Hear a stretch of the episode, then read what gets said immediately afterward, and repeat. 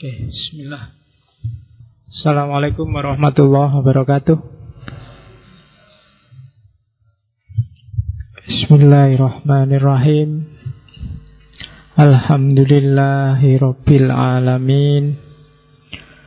Wassalatu wassalamu ala ashrafil anbiya'i wal mursalin Sayyidina wa maulana Muhammadin Wa ala alihi wa ashabihi ajma'in.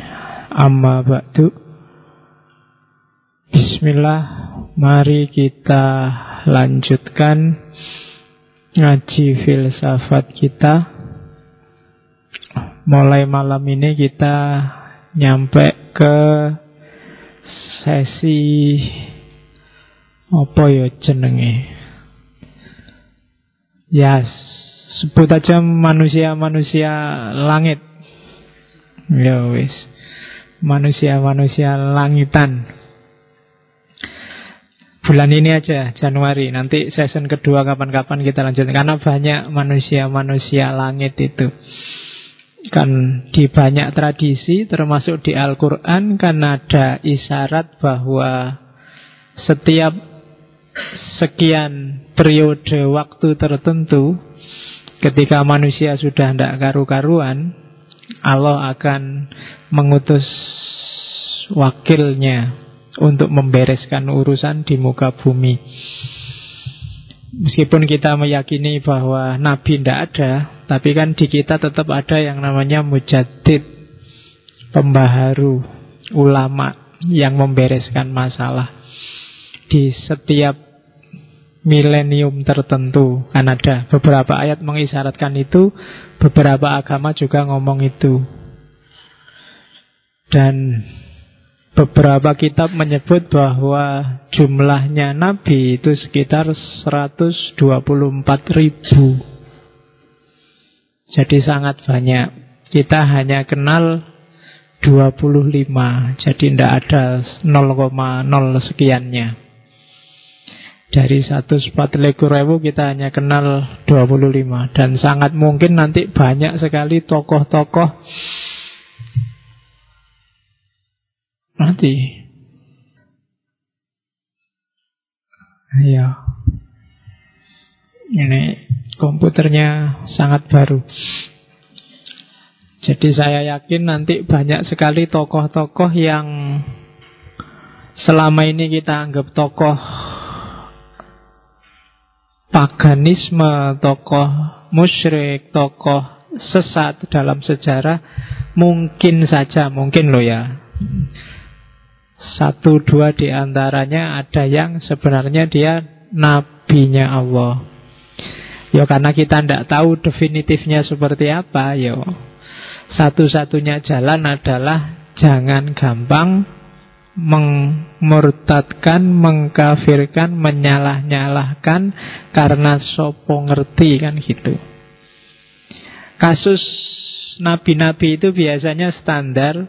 Ketika nabinya datang itu beres Tapi begitu nabinya pergi Terjadi penyelewengan-penyelewengan Deviasi-deviasi. Kalau penyelewengannya sudah parah Terus biasanya Allah ngutus nabi selanjutnya Yang kita kenal 25 itu Hampir semuanya dari Kita sekarang menyebutnya Timur Tengah Padahal sangat mungkin loh nanti ada nabi dari Eropa, mungkin dari Amerika. Kalau Amerika zaman dulu ya mungkin nabi-nabi yang Indian, nabi-nabi yang aborigin di Australia atau nabi-nabi Jawa kuno mungkin ada lah. Wong jumlahnya 124 ribu kan itu banyak manusia-manusia pilihannya. Jadi malam ini kita mulai, kita ambil empat tokoh-tokoh langit. Yang pertama, hari ini kita ngomong Zoroaster, Zarathustra. Minggu depan kita ngomong Isa. Karena Isa ini penting tapi gara-gara kamu sebut dia sebagai Tuhannya orang Kristen, kebanyakan kita gelap sama sekali terhadap tuntunan-tuntunan, ajaran-ajaran yang mungkin sebenarnya penting, banyak hikmah di sana. Cuma keburu kamu anggap dia Kristen Padahal Kristen itu munculnya jauh sekali setelah Isa Tapi bagi kamu kan Yesus itu Kristen Padahal agama Kristen datangnya sangat belakangan Kita akan belajar Isa minggu depan Yang mempengaruhi banyak sufi-sufi Persia Kemudian minggu selanjutnya kita ke India sebenarnya ada dua pilihan. Ya pinjem tokoh-tokohnya Walmiki, bisa Rama, bisa Krishna. Cuma saya lebih suka ngambil Krishna menyesuaikan dengan kondisi saat ini. Karena kalau kalau Rama itu kan musuhnya jelas, angkara murka. Memang nabrak tatanan. Tapi kalau Krishna itu musuhnya pinjem tatanan untuk bikin kerusakan. Dan hari ini banyak model kayak gitu. Jadi dengan alasan aturan tapi bikin rusak. Nah itu Krishna. Beda sama Rama. Kalau Rama ketemu Dosomuko, Rahwono itu kan memang dia tokoh perusak. Sehingga kalau Rama itu orangnya santun, tertib, ikut aturan, kebalikannya Krishna. Kalau Krishna ini rodok cengengesan, agak trik, agak politik, tapi untuk ngelawan yang orang main politik untuk kepentingannya sendiri. Maka kita ambil itu sama-sama manusia langit dalam tanda petik. Dan yang terakhir kita ambil tokoh yang seolah-olah fiktif. Tapi beberapa kalangan menyebut tidak. Ya nanti kita bahas sejauh mana dia fiktif atau tidak. Semar di Jawa. Ya. Ya kita lihat aja, besok kita jajaki ada apa di Semar. Jadi satu bulan ini kita coba ketemu tokoh-tokoh penting. Ya tentunya kita nggak bisa akses langsung ajaran orang-orang itu, tapi indikasi ke sana kita ambil dari warisan-warisan tertulisnya.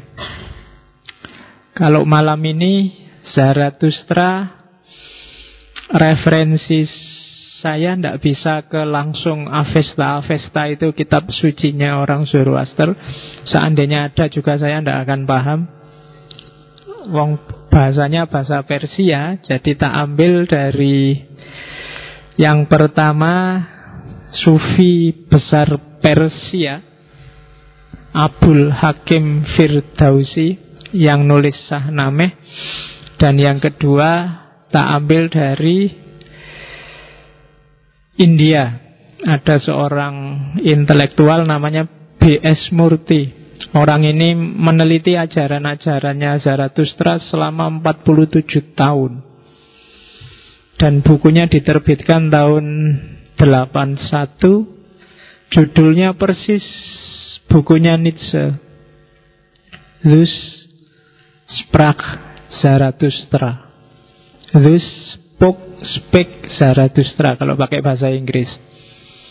Jadi judulnya sama, cuma kalau Nietzsche bukunya itu fiksi, imajinasi. Kalau B.S.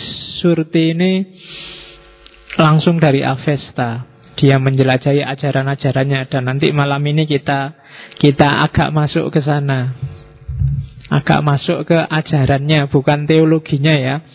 Saya nggak akan ngomong ada berapa sekte Zarathustra, kemudian cara ibadahnya, ritualnya gimana. Yang paling terkenal dari Zoroaster itu kan ibadah cara dia menguburkan mayat. Kalau bagi orang Zoroaster lama, kalau sekarang sudah mulai dikubur di bumi, kalau zaman dulu nggak boleh orang mati itu dibakar, dikubur atau yang sejenis itu. Kalau dikubur mengotori bumi, kalau dibakar mengotori api. Jadi dibikinkan semacam tempat kayak panggung itu tinggi terus mayatnya ditaruh di atas itu. Kalau ada burung pemakan bangkai datang ya dimakan, kalau enggak ya dibiarin aja sampai habis. Tinggal tulang. Dulu tapi. Dan masih ada beberapa ritual yang lain. Oke, bismillah. Saya saya hampir setengah yakin kalian masih asing dengan orang ini. Hampir setengah lagi. Jadi saya harus pelan-pelan ngomongnya. Kamu ngerti ini, ini pokoknya penyembah api gitu aja biasanya.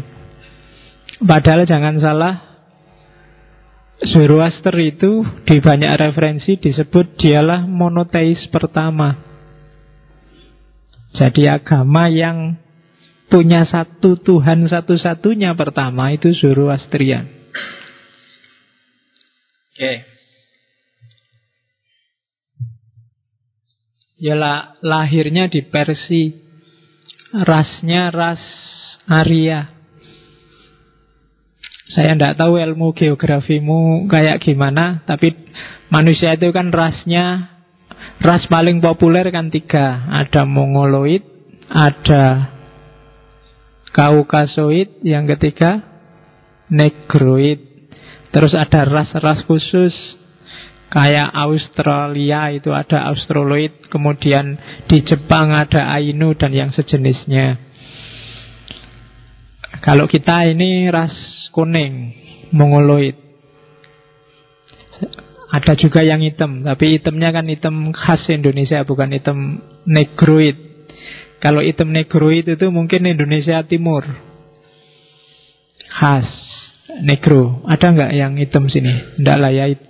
Kalau Jawa itu kan bukan hitam tapi coklat. Ya, ya coklat gosong lah. Rodo-rodo peteng itu kan coklatnya gosong.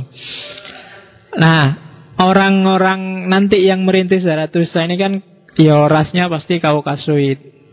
Jadi Kaukasoid itu nanti di Eropa Timur itu ada dua tiga suku yang satu ketika dia melakukan ya sekitar abad-abad ya 6000 lah 6000 sebelum masehi 3000 6000 sebelum masehi yang mengembara. Mereka pecah-pecah kemudian mengembara ke selatan kemudian berhenti di Eropa sekarang. Yang terkenal itu Romawi dan Yunani. Nanti beberapa di antaranya ada tinggal di pegunungan namanya pegunungan Kaukakus. Itu nanti yang sehingga mereka disebut ras Kaukasoid. Nah yang tinggal di atas gunung ini menyebut diri mereka orang-orang yang tinggal di tempat yang tinggi. Kemudian diringkas jadi orang-orang yang tinggi. Orang-orang yang tinggi kalau pakai bahasa mereka namanya Aryan. Itu nanti sehingga mereka disebut ras Arya. Nanti kelompok ini nanti jalan lagi ke selatan, ya lah ke Persia, Persia itu tidak cuma Iran, termasuk Afghanistan dan sekitarnya. Kemudian beberapa melanjutkan sampai ke India bagian utara. Di situlah nanti lahir sekitar abad-abad 600 sebelum Masehi, satu zaman dengan era lahirnya filsafat di Yunani, zaman Pitagoras dan kawan-kawan lahirlah Zarathustra. Dan menurut sejarah Zarathustra ini adalah gurunya Pitagoras. Yang Pitagoras ini nanti membuka cabang mistik versi Yunani yang melahirkan aliran namanya Hermetisme. Yang cabang rasionalnya itu kan nanti jadi hermeneutik itu inspirasi dewanya sama Hermes. Jadi itu dia orang besar, ya terkenal lah. Puncak ajarannya nanti ketika ada jadi Iran itu kan nanti ada tiga dinasti besar sebelum Islam datang Aechmenian, kemudian Parsian, dan yang ketiga Sasanian. Nah ini hidupnya di dinasti Aechmenian yang awal Rajanya yang paling terkenal namanya Sirus kedua Yang terkenal adil, terkenal bijaksana Dan menguasai hampir setengahnya dunia. Seluruh Asia dikuasai Kemudian Eropa sebagian dikuasai. Namanya Sirus kedua Dikenal adil dan bagi banyak mufasir Sebenarnya Iskandar Zulkarnain yang menutup, yang bikin tembok menghalangi Yakjus dan Makjus itu sebenarnya bukan Alexander the Great Eropa itu, tapi Sirus kedua ini. Dan Sirus kedua ini punya jasa besar terhadap orang-orang Yahudi. Jadi orang Yahudi itu kan Iki paling dongeng dok isine ya ndak apa-apa lah kalian rodong ndak ngerti sejarah ndak apa-apa. Orang Yahudi itu kan puncaknya zaman Nabi Sulaiman yang nanti dikenal dengan Solomon Temple, kemudian Masjidil Aqsa dan lain-lain. Pada sekitar tahun-tahun 700-an sebelum Masehi, tahun-tahun itu dia kan setelah meninggalnya Nabi Sulaiman Yahudi itu kan pecah jadi dua. Dua belas suku anak-anaknya Nabi Yakub itu kan pecah jadi dua suku besar. Yang utara sepuluh suku itu Israel Kemudian yang selatan suku Yudea hanya dua suku. Tapi dua-duanya nanti habis. Yang suku Israel digempur oleh dinasti Assyria, Raja Assyria zaman itu Sementara yang Yudea dihabiskan oleh Nebukadnezar dari Babilonia. Semuanya dijadikan budak, tidak ada yang selamat satupun. Terus datanglah Sirus II ini membebaskan mereka dan Sirus II ini bisa menaklukkan Babilonia dan menyelamatkan orang-orang Yahudi. Mereka dikembalikan, diperbolehkan membangun lagi kuil Solomon, dikembalikan lagi ke tanah tumpah darahnya. Jadi jasanya besar. Dan inilah nanti mungkin ada banyak sekali ajaran-ajarannya Zoroaster, Zarathustra yang masuk. Entah itu sengaja apa enggak atau hanya mirip saja tapi isinya meh podo sama ajaran tiga monoteisme besar hari ini. Yahudi, Nasrani dan Islam. Nanti ajaran-ajarannya mirip Termasuk yang saya ingat setan. Setan itu istilah dari bahasa Persia dulunya. Sebelumnya orang Yahudi tidak mengenal istilah setan.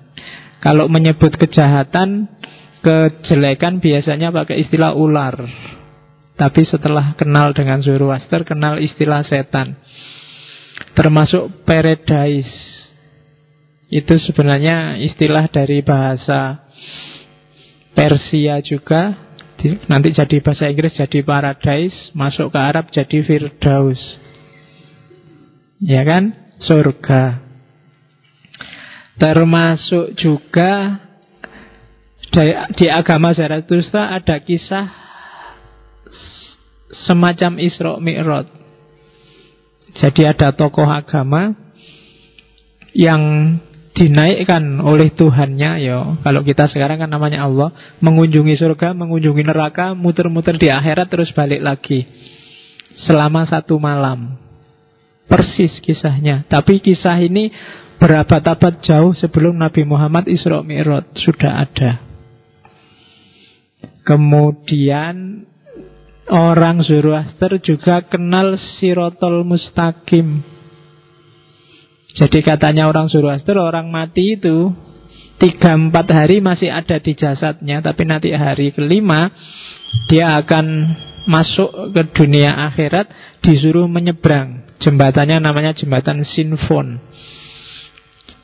Jadi jembatan ini kalau orangnya baik, jembatannya lebar. Kalau orangnya jahat, jembatannya jadi sempit. Dan kalau gagal lewat ke situ, dia akan masuk ke dunia bawah yang penuh dengan kemurungan dan kesedihan. Jadi, yuk kita menyebutnya neraka. Tapi nerakanya orang Zoroaster gambarannya nggak kayak neraka kita. Pokoknya di situ sini sumpek, remeng-remeng, galau. Pokoknya sini perasaan yang nggak enak semua, kebetean dan kegalauan ngumpul di situ. Itulah neraka gambarannya orang Zoroaster. Kalau di Islam kan neraka itu pokoknya di sana ada apinya, ada peralatan tukang lengkap di sana untuk ya. Lah ya kan ada palu, lengges, ada pokoknya ada di sana semua. Kalau orang Zoroaster gambarannya beda.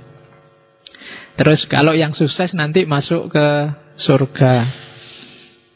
Oke, itu itu contoh-contoh bagaimana ajaran Zarathustra itu dekat sama ajaran monoteis atau jangan-jangan memang sumbernya sama. Cuma hanya kita nggak banyak kenal. Kita kenalnya majusi aja. Di Al-Quran memang disebut majusi. Tapi jangan salah. Majusi itu magus. Majus itu agama yang diberontak oleh Zarathustra. Agama pagan, politeis. Sebelum lahirnya Zoroaster. Yang sehingga si Zarathustra ini termasuk mujadid pembaharu nabi yang membawa ajaran baru sehingga dia dimusuhi. Riwayatnya agak mirip riwayatnya Nabi Muhammad. Jadi Zoroaster Zarathustra ini umur 15 tahun dia jadi rohaniwan. Jadi ulama agamanya sendiri, agama sebelum lahir Zoroaster. Cuma dia tidak puas. Ya 15 tahun sudah jadi kiai. Kalian masih ABG orang ngerti opo-opo. Dia sudah jadi ulama besar, Umur 20 tahun dia pamit ke orang tuanya Pingin mengembara, mencari kebenaran Karena dia nggak puas sama agamanya sendiri. Dan ini dilakukan selama 10 tahun. Sampai umur 30 baru dia dapat pencerahan. Ya gambaran pencerahannya kalau di buku-buku dia semacam ketemu cahaya yang luar biasa Kemudian dapat banyak inspirasi setelah itu dia bertekad untuk mendakwahkan ajarannya. Cuma 10 tahun dia dakwah, pengikutnya hanya satu. Sepupunya sendiri. Ya, 10 tahun itu. Jadi sampai dia umur 40. Ya, bandingkan dengan Nabi kita Muhammad kan di antara yang Islam awal kan juga sepupunya sendiri. Ali. Nah, setelah itu baru ajaran ini berkembang ketika Zarathustra berafiliasi dengan seorang raja di daerah Iran Utara. Saya agak lupa namanya, tapi raja inilah nanti yang mulai mempopulerkan ajaran Zoroaster. Sampai hari ini berkembang dan agama paling tua yang hari ini masih hidup bagi banyak orang itu ya Zoroaster. Meskipun pengikutnya tidak sampai satu juta, hitungannya masih ratusan ribu. Karena pusatnya Iran, ya kebanyakan kan sudah Muslim. Jadi Zoroaster itu kalau katanya Will Durant yang nulis sejarah agama-agama itu agama yang tidak bisa dibunuh. Dia dihabisi oleh Romawi Tapi juga Zoroasternya masih hidup. Islam datang dihabisi oleh Islam Tapi Zoroasternya masih hidup. Jadi hari ini banyak yang tinggal di Iran Meskipun nggak terlalu banyak Mungkin lebih banyak yang tinggal di daerah India. Makanya tadi BS Murti tadi ya termasuk yang dari daerah India. Jadi itulah Zarathustra. Dia orang besar, mitos-mitosnya banyak ada mitos yang cerita bahwa Zarathustra ini begitu lahir dia nggak nangis tapi ketawa. Nggak ada kan bagi kamu kan aneh bayi mesti nangis enggak. Katanya kalau Zarathustra ini lahirnya begitu lahir langsung ketawa dan ada cerita juga dia mirip Isa. Jadi dia lahir tidak ada bapaknya. Ibunya perawan yang suci lah dalam di era itu yang tiba-tiba hamil, kemudian anaknya lahir, anaknya ketawa. Meskipun ada juga yang cerita ya ada bapaknya. Ada nama bapaknya juga. Cuma karena memang referensinya simpang siur ya sampai hari ini mungkin referensi tepatnya gimana banyak orang tidak tahu. Kalau cerita-cerita kemukjizatannya banyak. Silahkan dicari sendiri.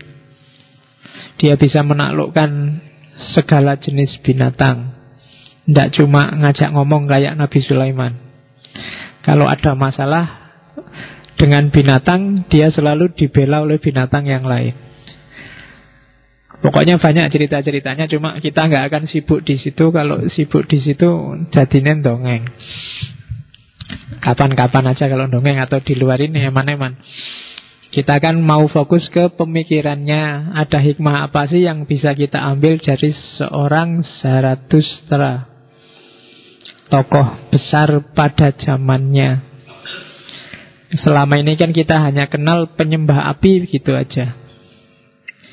Sebenarnya bukan apinya yang disembah. Sama kayak kalian ngomong orang Hindu nyembah patung. Itu kan pasti bukan patungnya yang disembah.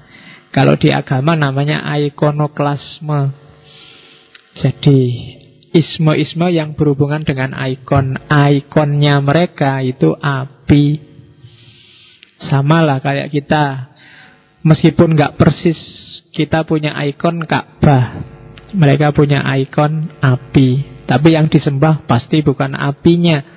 Mereka punya Tuhan sendiri yang disebut Ahurmas. Atau kadang disebut kamu bacanya Ahura Mazda. Dan Tuhan ini nanti punya kamu menyebutnya ada Tuhan jelek, Tuhan jahat biasanya. Sebenarnya bukan Tuhan jahat. Jadi ideologi Zoroaster adalah agama pertama yang memperkenalkan kalau kita hari ini malaikat Jadi Ahurmas itu menciptakan makhluk-makhluk Untuk membantu pekerjaannya Namanya Mangyu Nanti Mangyu ini ada yang jahat.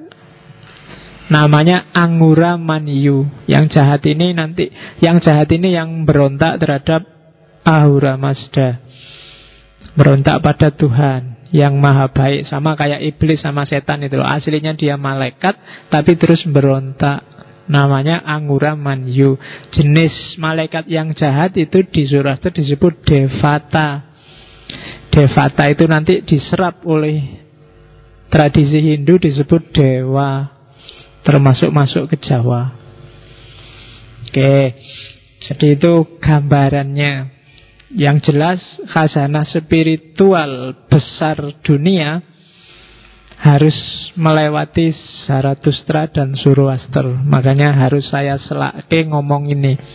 Sebelum nanti masuk ke India, sebelum masuk ke Jawa, ke Eropa, dan lain-lain.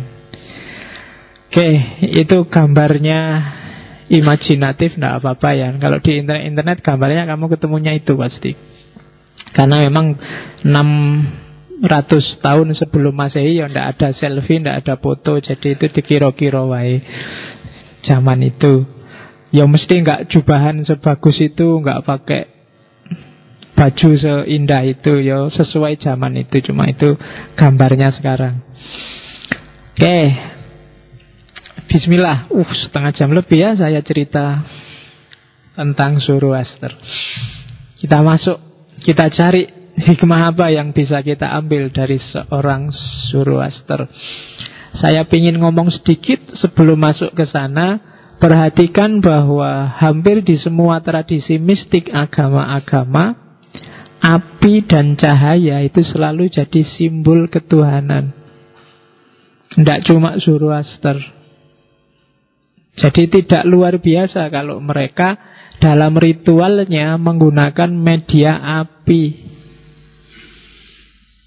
Jadi kalau di Hindu itu api disebut bahkan jadi dewa namanya yang Agni. Nabi Musa waktu dialog sama Allah ilustrasinya ya kan Allah menampakkan diri itu api. Kemudian Isa atau Yesus juga pernah menyebut Kenalilah kerajaan Tuhan dan Tuhan dalam dirimu dan simbolisasinya api dan cahaya.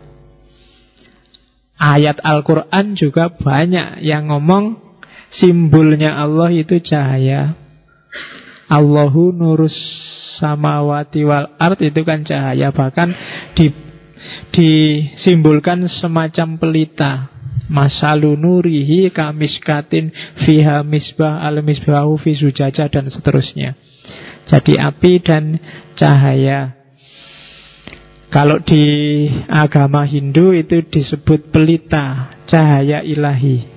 Kalau di agama Buddha disebut pencerahan, nirwana dan seterusnya. Jadi tidak ada luar biasanya, kamu nggak harus heran kok ada yang nyembah api. Karena memang cahaya itu yo manifestasi visual paling dekat dengan cahaya itu api. Bahkan zaman dulu sampai karena cahaya dan api terus ketemunya matahari. Akhirnya ada banyak suku-suku tertentu yang disembah matahari. Bukan urusan kok bodoh banget ya matahari itu bisa apa kan harusnya yang menciptakan matahari kan gitu. Tapi jalan pikirannya mereka begitu. Termasuk yang paling terkenal Ratu Sabak yang disebut dalam Al-Quran itu kan Kila juga menyembah matahari. Sebenarnya fokusnya pada simbolisme api dan cahaya termasuk beberapa agama Jepang. Jadi api dan cahaya itu membacanya simbolisme bukan Tuhannya. Jangan disebut orang Zoroaster menyembah api ndak. Kalau kamu sebut itu mereka marah sama kayak kamu dibilang orang Islam menyembah Ka'bah, kan enggak? Atau jangan-jangan kamu mau jawab iya. Dimarahi orang banyak kamu.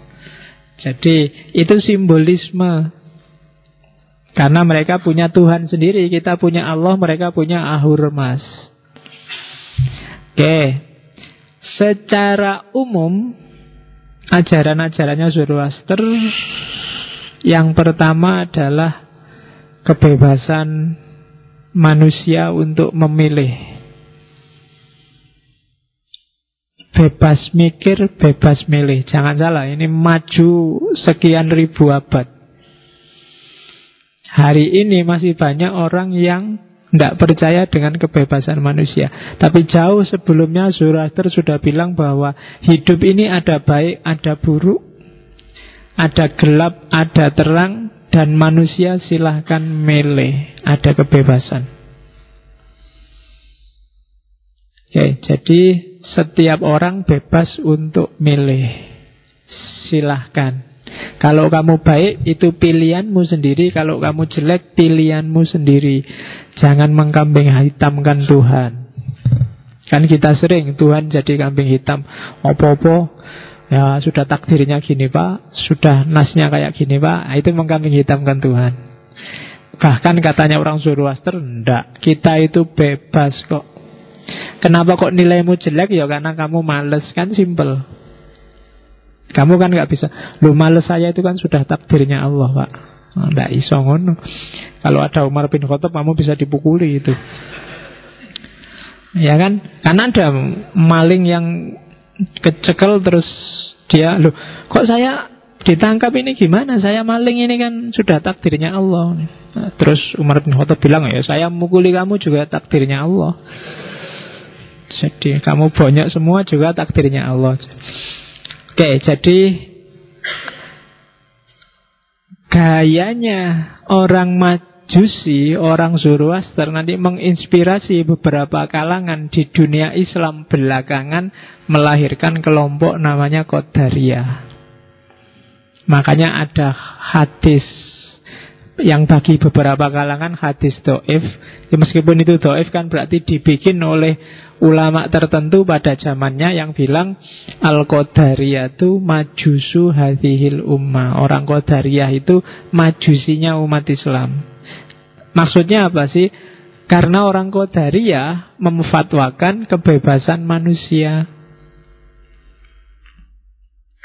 Dan ajarannya Zoroaster itu manusia itu bebas.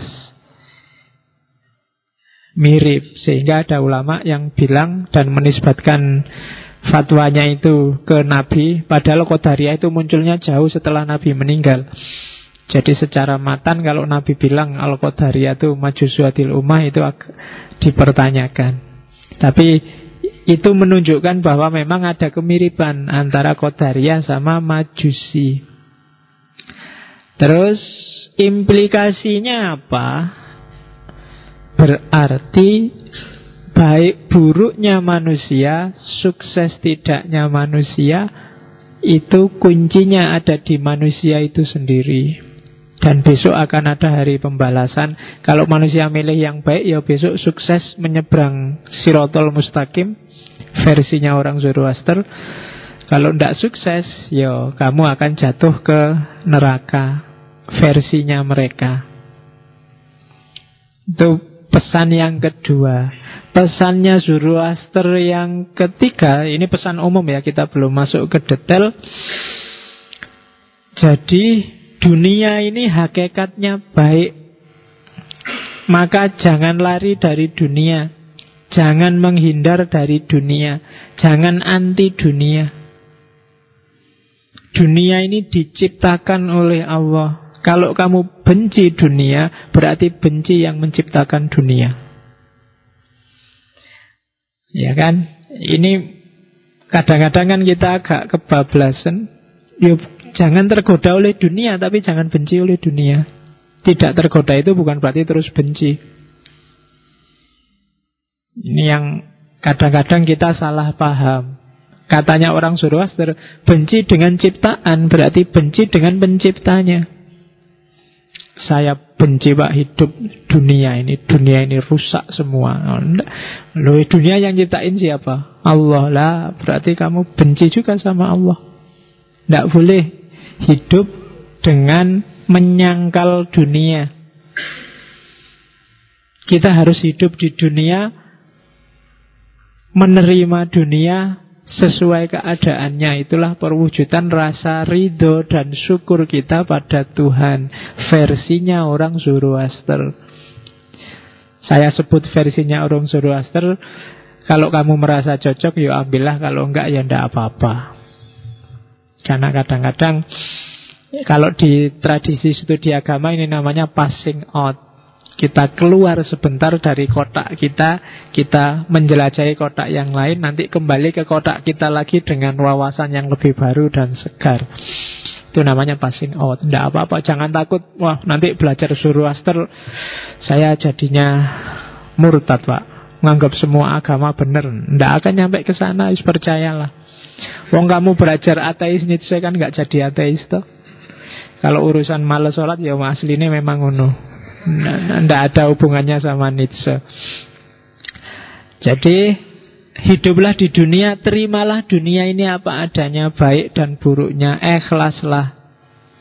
Jangan menggugat yang bikin dunia. Katanya orang Zoroaster. Terus karena tadi manusia punya kuasa, punya kebebasan, Ya kalau dunianya rusak ya harus diperbaiki. Cuma perbaikan itu tidak bisa sendiri-sendiri, harus bareng-bareng. Nggak mungkin satu dua pencerahan itu. Kalau satu dua efeknya ya hanya dimiliki oleh satu dua orang, harus bareng-bareng. Sejago apa pun kiai, ulama, umarok, kalau umatnya, rakyatnya tidak ikut tercerahkan, nggak ikut jago juga, tidak akan terjadi perubahan. Kamu ganti presiden setahun tiga kali, tidak akan ngubah Indonesia kalau kamunya sendiri tidak ikut bareng-bareng ngubah Indonesia. Itu ajaran-ajaran pokoknya Zoroaster. Jadi ajaran sosialnya orang harus berubah bareng-bareng ke arah yang lebih baik ajarannya tentang realitas, realitas itu harus diterima, jangan ditolak, jangan melarikan diri dari dunia. Ajaran utamanya tentang manusia, manusia itu bebas, milih. Nah, jadi pesan-pesan utamanya itu Zoroastrianisme di luar liturginya, di luar ritual-ritualnya. Oke. Ini sahadatnya. Sahadatnya sangat bermoral, kaidah-kaidah moral. Saya tidak tahu bacanya gimana, aku tidak ngerti ya bahasa anunya, ngerti terjemahan itu. Ada hu mata sama hu ukta sama hu warsta. Mungkin hu itu artinya benar. Mungkin. Pikiran yang benar, kata-kata yang benar, dan perilaku yang benar. Diingat-ingat urutannya ya. Jangan dibalik.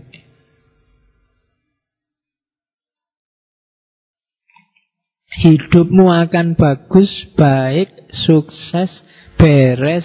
Pertama-tama pikiranmu harus beres dulu.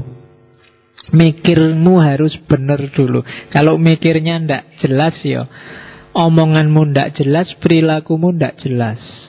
Karena kata-kata dan perilaku itu buahnya pikiran. Jaga sebaik-baiknya.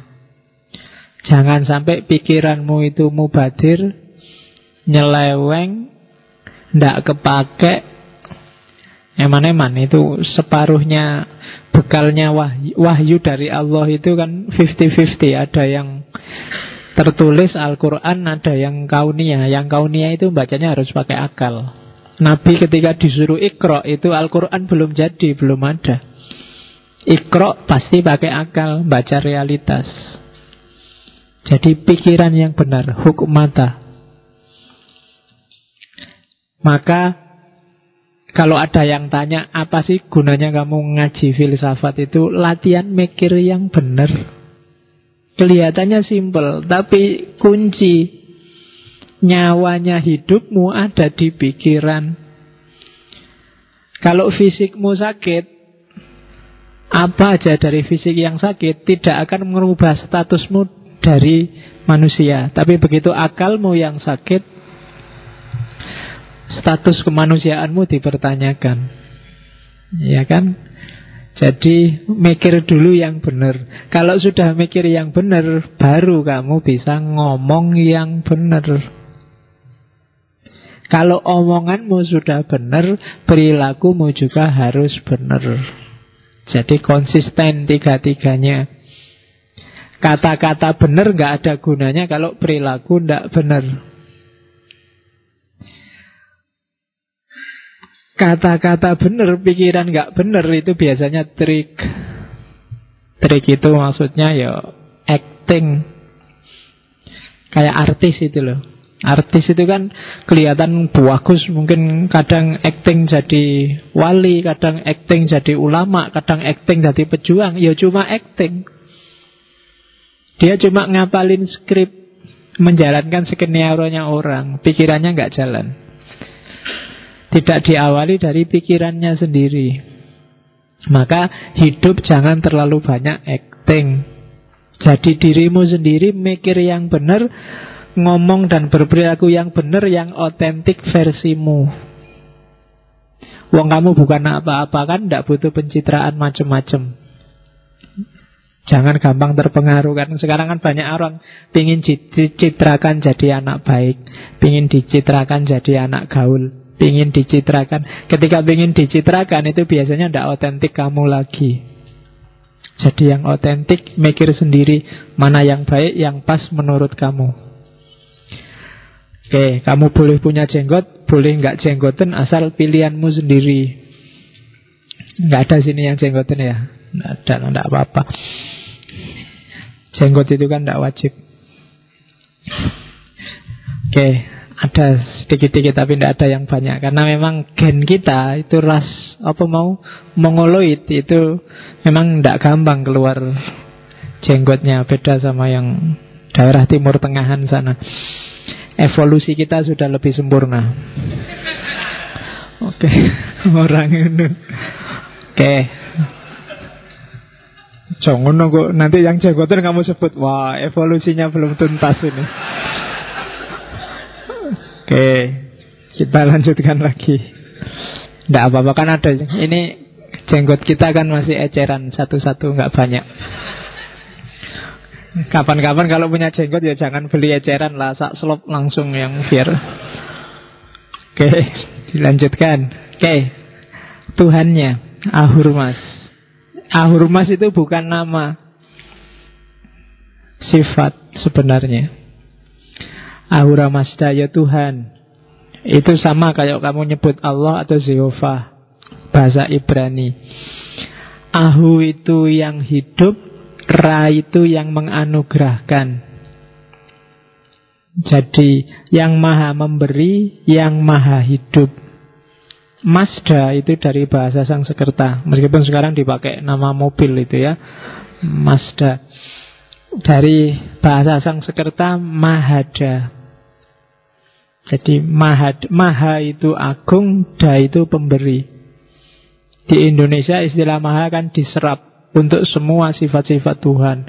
Maha besar, maha penyayang, maha pengasih.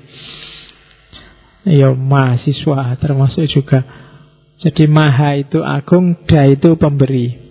Jadi Ahura Mazda kalau diringkes mungkin ya dia yang maha hidup, maha pemberi. Jadi bukan nama sebenarnya itu sifat. Jadi dan satu-satunya penguasa kehidupan, penguasa kebijaksanaan, penguasa cahaya, penguasa kebenaran. Ini potongan-potongan dari tulisannya B.S. Murti yang ngambil dari kitabnya orang Zoroaster yang saya sebut tadi namanya Avesta. Saya lihat di internet banyak tulisan yang bilang ternyata di Zen Avesta, kitabnya orang Zoroaster, itu sudah diramalkan kedatangannya besok Nabi Muhammad. Tidak apa-apa sih itu saya tidak tahu orang yang ngomong kayak gini apa dia setuju dengan Zoroastrianisme atau enggak. Karena dalam diskusi yang lain dia bilang Zoroaster itu musyrik bikinannya manusia nyembah api. Tapi kok yo ya percaya kalau di kitabnya orang Zoroaster ada ramalan Nabi Muhammad. Harusnya kan ramalan itu nggak dipercaya, wong itu dari orang Zoroaster loh. Tapi kok yo ya seneng ada ramalan kayak gitu. Itu sebenarnya mau bilang bahwa lo mungkin ya benar Zoroaster itu, jangan-jangan mau bilang gitu. Kalau logikanya kan begitu. Kalau kamu terima bahwa ramalannya benar, besok ada Nabi Muhammad, berarti Avesta itu benar. Kalau Avesta benar, jangan-jangan orang Zoroaster benar. Kamu bilang di Injil, di Bible sudah diramalkan kedatangannya Nabi Muhammad. Loh katanya Bible karangan, ndak asli lagi. Jangan-jangan itu palsu. Kok kamu sudah seneng kayak gitu? Kita kan sosok gitu kan. Ahok bilang, wah agama paling baik itu Islam loh. Kamu kan suweneng luar biasa kamu sebarkan ke mana-mana. Ya kamu kan harus ngukur itu kan Itu ucapan itu basa-basi Atau ucapan itu serius Atau trik atau apa kan harus gitu. Zaman dulu Nggak cuma kayak Ahok ngomong kayak gitu Ada yang sudah masuk Islam ikut naik haji. Sampai orang-orang cium tangan semua. Dia bilang Islam itu luar biasa Bagus, indah. Namanya Senuk Horgronya Iya kan? Tapi Ya itulah kita. Tidak konsisten Pokoknya golek senengin dok nyari enaknya sendiri logikanya nggak dipakai. Maka yos kita pakailah logika. Latihan mikir yang beres. Oke. Okay. Ahura Mazda itu senantiasa hadir kapan pun di mana pun. Ya, mirip. Kalau kata-kata Ahura Mazda di slide ini semuanya nanti kamu ganti dengan Allah itu menurutku loh ya, yuk masuk-masuk saja. Tidak perlu melanglang buana atau ke antariksa untuk mencarinya. Dengan hati yang murni dan kesucian nurani, engkau dapat menemukannya di dalam hatimu sendiri. Maka jangan heran kalau Zarathustra ini sangat berpengaruh dalam pikiran para sufi Persia nantinya. Al-Halaj, Suhrawardi, Rumi, dan kawan-kawan. Karena memang ajarannya sangat dekat.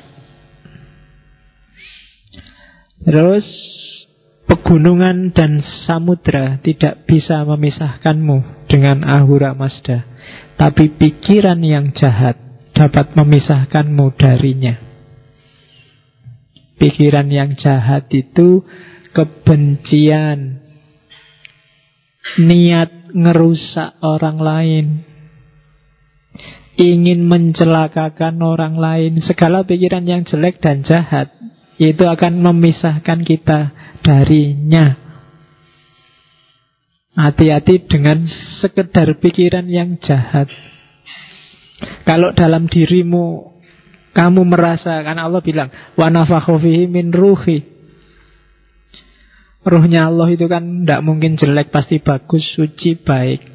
Yang bagus, suci, baik tidak akan bisa dicampur dengan yang jelek. Yang jahat, yang kotor. Kalau kamu memasukkan yang jelek, yang jahat, yang kotor, maka yang bagus, yang jernih akan terpinggirkan. Air itu jernih, tapi begitu kamu masukkan kotoran, ya dia akan jadi kotor. Jadi hati-hati dengan pikiran yang jahat. Baru pikiran loh ya, belum perbuatan. Apalagi perbuatan. Makanya mikir nggak boleh jelek, mikir nggak boleh ngeres. Kalau gambar ngeres yang masuk ke sini, emangnya Allah mau tinggal di situ kamu jajar sama gambarnya itu. Ya kan? Kalau gambar yang nggak beres yang kamu masukkan ke sini kan nggak mau jajar sama yang itu mesti pergi. Jadi masukkan yang baik-baik. Biar kamu tidak berjarak dengannya. Nah, itu inspirasi dari Zoroaster. Terus teorinya orang Zoroaster sewaktu adharma. Adharma itu dharma itu kan kalau di Hindu kebajikan setiap orang. Adharma berarti kekacauan. Jadi ketika terjadi kekacauan spiritual, dunia ini kacau dan rusak, maka jangan takut. Kayak saya bilang di awal tadi, akan ada jenius yang diutus oleh Tuhan untuk menyelamatkan manusia. Mujadid, nabi, utusan, rasul. Allah kan selalu begitu. Seandainya kita yakin Nabi sudah, kenabian sudah berakhir, tapi kewalian dan mujadid kan tidak, pembaharu kan tidak. Setiap sekian puluh tahun sekali akan datang pembaharu. Oke, itu teori selanjutnya. Teori selanjutnya tentang ketuhanan Zoroaster. Ahura Mazda menampik pengorbanan dan persembahan yang mahal. Yang diterima apa? Pengorbanan yang ikhlas dari hati nurani. Apa pun yang kamu persembahkan pada Tuhan, kalau di Islam kamu sholat itu kan persembahan. Kamu persembahkan tenagamu, kamu persembahkan pikiranmu, kamu persembahkan hidupmu. Inna sholati wa nusuki wa mahyaya wa mamati. Itu kan persembahan lillahi rabbil alamin. Persembahan itu tidak ada gunanya kalau tidak ikhlas. Tidak dari hati nurani.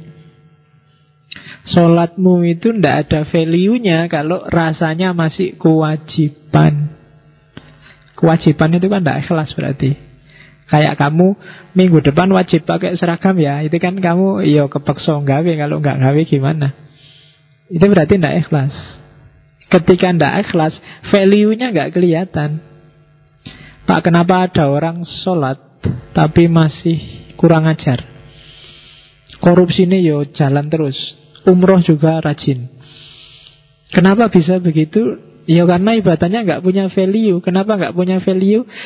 Formalitas, tidak ikhlas, kewajiban. Ya kan? Kamu kan merasa sholat itu beban luar biasa kan? Wah, udah sholat isak belum ya? Ayo kan nendang sholat kan? Jadi rasanya dikejar-kejar tiap hari disuruh sholat. Rasanya kan begitu. Seolah-olah jangan-jangan kamu nggak butuh sholat tapi Allah yang butuh sholat. Padahal apa sih manfaatnya sholatmu bagi Allah kan nggak ada. Tapi kamu merasa kalau ah, pokoknya gitulah yang kamu rasakan sholat itu. Ibadah apa pun puasa itu Kalau boleh sebenarnya puasa ya jangan sebulan lah Atau sebulan dibagi-bagi setahun Tiap bulan dua hari, dua hari Itu kan enak Pak Misalnya Kenapa kamu usul kayak gitu? Karena kamu merasa berat Kenapa berat? Karena bagimu itu masih kewajiban dan Allah tidak butuh sebenarnya sholatmu, puasamu, yang butuh kamu. Oke, jadi pengorbanan harus ikhlas. Ikhlas itu kamu ridho pada Allah sehingga nanti Allah ridho padamu. Oke, terus Kalimat terakhir itu kalau di Avesta, aku tidak paham akan hakikatmu, wahai Ahurmas, namun apa pun juga adalah di kau semata.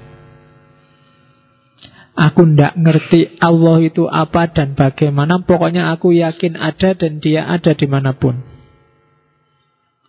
Segalanya dia. Ini deklarasi keimanan. Sejak kemarin saya tidak tahu sesi keberapa itu dua tiga sesi kita ngomong perdebatan ada Tuhan, ada tidaknya Tuhan. Dan itu tidak selesai-selesai. Kamu bingung luar biasa. Sifat-sifatnya kok tabrakan semua. Tapi katanya Zoroaster Tidak tahu Allah itu apa dan bagaimana. Pokoknya aku percaya ada. Titik. Tidak harus cerewet. Daripada capek-capek Oke, oh, percaya ada itu sama kayak rumusnya Zoroaster tadi Di pikiran, di kata-kata, dan di perbuatan Coba dicek Apakah caramu mikir menunjukkan kamu percaya ada Allah apa enggak? Apakah caramu ngomong menunjukkan kamu percaya ada Allah apa enggak? Apakah caramu bertindak menunjukkan kamu percaya ada Allah apa enggak? Kalau kamu gagal terus kamu putus asa, itu menunjukkan kamu tidak percaya Allah ada. Kalau kamu jomblo terus kamu stres, itu menunjukkan kamu tidak percaya.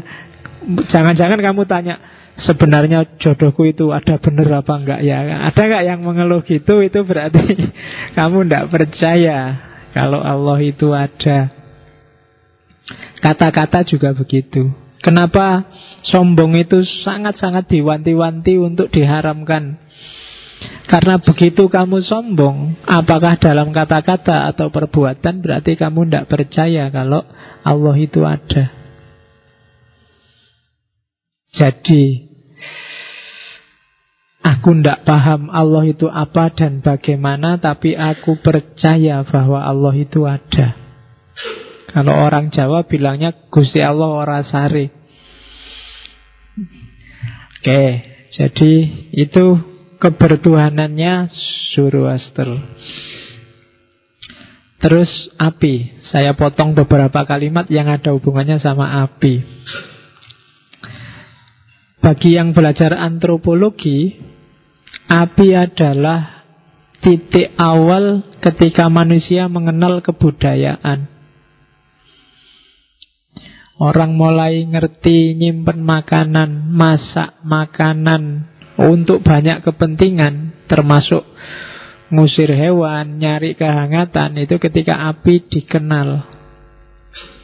Ya nanti kapan-kapan kamu surfing coba dibaca sejarahnya api, termasuk segala mitologi yang berhubungan dengan api. Kalau di Yunani diyakini api itu yang punya dewa petir, rajanya dewa Zeus. Sebenarnya manusia tidak boleh pakai api karena itu kunci kekuatannya dewa. Tapi kalau di Yunani terus dicuri oleh namanya Prometheus. Prometheus ini nyuri apinya Zeus dikasihkan ke manusia. Sehingga manusia bisa memanfaatkan api. Gara-gara ini nanti Prometheus dihukum oleh Zeus, dia diikat di atas gunung.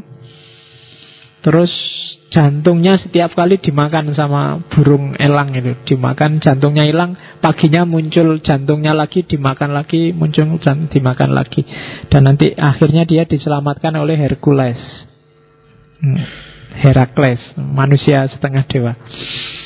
Saya tidak tahu menyelamatkannya dibantu oleh Dibantu Sina apa enggak Yang lebih seru kalau duet berdua Oke okay. Nah, orang Zoroaster melihat hal yang sama. Pancaran cahaya ilahi simbolisasinya api.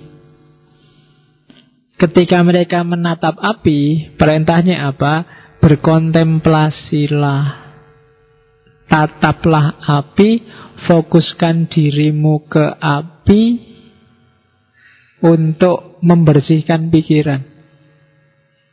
Jadi semacam meditasi Menenangkan pikiran Oke Terus api naik ke atas dan mengangkat jalan pikiran ilahi Api itu kan gerakannya ke atas Jilatannya ke atas Dia memusnahkan semua yang dia telan kemudian mengangkatnya ke atas. Sama kayak persembahan. Persembahan itu kan memusnahkan semua ego dan kamu persembahkan ke atas kepada Tuhan. Jadi simbolismenya semacam itu. Dosamu itu bakarlah, kekotoranmu itu bakarlah. Menghadaplah Tuhan dalam kondisi suci. Jadi simbolisasinya bunyinya semacam itu kalau di Zoroaster. Jadi jadilah seperti api. Api mensucikan apa pun yang disentuhnya, namun ia sendiri tidak pernah terkotori. Tidak ada api kotor. Tidak ada eh, api, tidak jernih api itu ya selalu kayak gitu. Yang berani mendekat dijadikan api oleh api. Kertas mendekat, dia jadi api. Copet mendekat, dipukuli sama orang terus dibakar, ya dia jadi api. Bersih jadi api. Jadi bahkan orang meninggal di banyak tradisi kan juga dibakar jadi api. Dia konsisten. Api tidak kayak air. Air itu kemasukan kotor, dia ikut jadi kotor. Tapi kalau api, dia akan tetap seperti api. Yang datang akan diolah jadi dirinya. Itu api. Maka api dijadikan simbol oleh banyak tradisi. Oke. Jadi Mungkin ada yang pernah latihan meditasi, biasanya fase-fase awal kalian disuruh konsentrasi menatap lilin. Ya kan? Saya tidak tahu, mungkin kenapa kok lilin? Ya kamu tanyakan ke mastermu, gurumu, ustadzmu, ngapain kok lilin, Mbok? Menatap TV apa menatap HP, apa doai? Ngapain kok ya lilin gitu kan? Nah, coba tanya rahasianya apa? Atau kamu coba ya, nanti malam. Bawa lilin kecil aja, taruh di bawah, di depanmu paling jarak tiga setengah, tiga puluhan senti lah ya. Tapi di depanmu kasih kaca. Jadi kaca, wajahmu terus lilinnya di tengah, sana kasih kaca.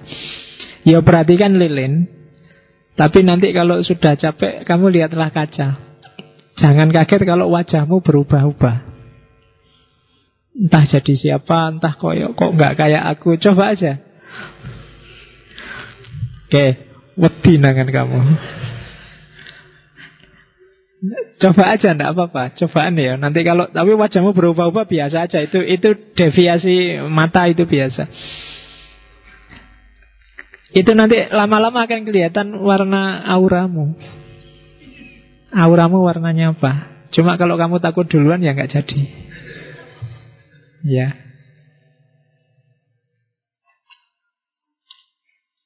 Ya aura itu menunjukkan karaktermu dan itu kalau kalau auramu agak surem remeng-remeng ngopo ndak jelas apa anu saatnya harus diperjelas biar hidupmu enak. Kalau kamu sedang galau itu auranya juga berubah. Sebenarnya setiap orang bis, bisa merasakan. Kalau kamu ketemu temenmu temenmu nggak ngomong aja dia sedang sedih kan kamu bisa merasakan. Oh enggak kayak biasanya ya itu biasanya ya. ada hubungannya sama aura. Kamu kan nggak pernah belajar aura yang kamu pelajari aurat. Kamu tiap hari nonton aurat nggak pernah belajar yang gitu-gitu. Oke terus kematian dia punya filosofi yang khas orang-orang ini tentang kematian. Saya kapan itu baca buku yang luar biasa dari tradisi Hindu tentang perjalanan jiwa setelah mati. Jadi setelah kamu meninggal, nanti akan melihat cahaya yang warnanya ini. Cuma ketika cahaya masih warnanya ini, jangan dipedulikan, jangan diikuti. Ikutilah terus jalanmu ke cahaya yang warnanya ini saja. Nanti di level, tadi perjalanannya dia, saya tidak tahu itu yang nulis pernah mati balik lagi apa gimana. Tapi bisa detail menjelaskannya. Setelah perjalananmu ini selesai, kamu akan dikasih pilihan macam-macam. Kalau ada yang tertarik silahkan. Jadi perjalanan jiwa setelah mati. Jadi termasuk kapan putus apa? Karena jiwa kita dengan jiwa astral itu ada semacam talinya. Itu yang bikin tiap kali mimpi kita bisa balik lagi. Kalau tali ini putus itu yang disebut meninggal. Nah itu kapan anunya itu itu, itu filosofi kematian khas Hinduisme. Oke, katanya orang Zoroaster kehidupan masa kini adalah awal kehidupan yang akan datang. Kehidupan ini merupakan tirtayatra, perjalanan suci ke kehidupan yang lebih tinggi. Mirip dengan hampir semua agama yang bilang bahwa hidup ini hanya mampir dari perjalanan kita yang panjang. Jadi mati itu semacam posko sementara sebelum kita melanjutkan perjalanan lagi. Yo nanti puncaknya perjalanan kalau di Hindu ya ketemunya nirwana. Moksa di Buddha. Kalau di Islam nanti ada surga. Meskipun di banyak naskah surga itu ya bukan terakhir. Ketemu terakhir itu ya ilaihi roji'un. Jadi kita itu ketemu terakhir ya sama Allah, menyatu bersama Allah. Surga juga termasuk salah satu posko yang harus kita singgahi. Terus katanya Zoroaster, jangan melarikan diri dari kematian. Karena tidak ada yang dapat musnah sebelum waktunya tiba dan tidak ada yang dapat menyelamatkanmu dari kematian sewaktu saatnya sudah tiba. Sangat Al-Quran kan layas takhiruna saatan walayas takdimun. Iza ja'a ajaluhum Kalau ajalnya sudah datang Ya ndak bisa ditunda Kamu nggak bisa lari Oke, itu kan kayak ceritanya siapa? Nabi Sulaiman ada punya sahabat. Satu ketika ada malaikat Israel datang ke Nabi Sulaiman datang saya tanggal 7 mau nyabut nyawanya sahabatmu ini. Oh, sama Nabi Sulaiman. Wah, kamu nyawanya mau dicabut ini. Terus dia pergi jauh. Pokoknya biar nggak ketemu malaikat Israel.